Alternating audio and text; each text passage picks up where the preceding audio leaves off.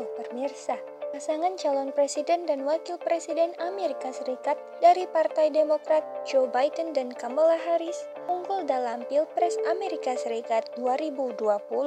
Biden dan Harris mengalahkan suara pasangan pertama dari Partai Republik Donald J. Trump dan Mike Pence. Peneliti Indef, Nilalul Huda menyatakan, kemenangan Biden disambut positif beberapa negara termasuk Indonesia.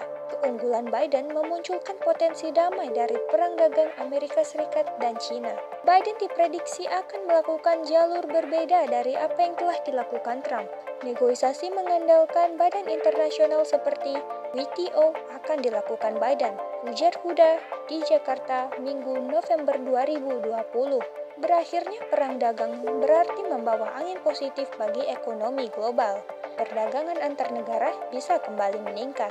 Dia memuturkan Indonesia bisa terlepas dari ancaman perdagangan dengan Amerika Serikat. Biden tampaknya akan memilih memperkuat hubungan perdagangan dengan negara-negara lain, termasuk Indonesia. Hubungan-hubungan Amerika Serikat dengan sekutu perdagangan Eropa juga kemungkinan besar akan diperbaiki dan bisa mendatangkan keuntungan bagi negara lainnya. Poin positif bagi ekonomi Indonesia, kata Huda.